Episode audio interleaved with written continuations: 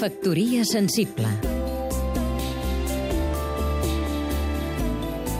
Rafel Vallbona, escriptor i periodista. Per vegades que hi vagi, mai no deixa de sorprendre'm la vitalitat cultural de Portugal.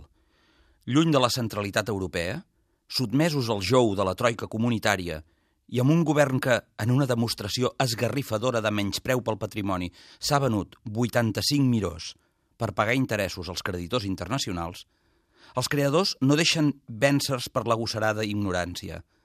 El recent trienal d'arquitectura i l'experimenta design són un exemple de projecció global.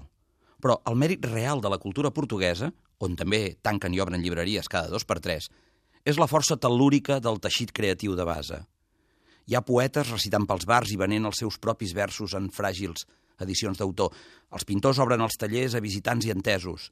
A falta de teatres públics i amb els ateneus populars sobrecarregats, els músics ocupen els miradors del Tejo a l'hora baixa, boi oferint bellíssims espectacles que només es poden donar a Lisboa. I així, la petita cultura oblidada pel poder i els mèdia, però que a la fi és la que acaba fent gran un poble, no deixa de bategar arreu del país. I així, els portuguesos saben que mai no han estat derrotats del tot.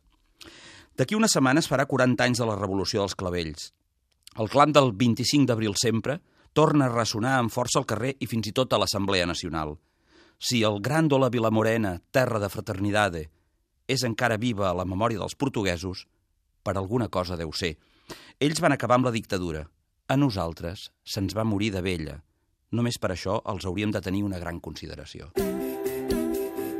Factoria sensible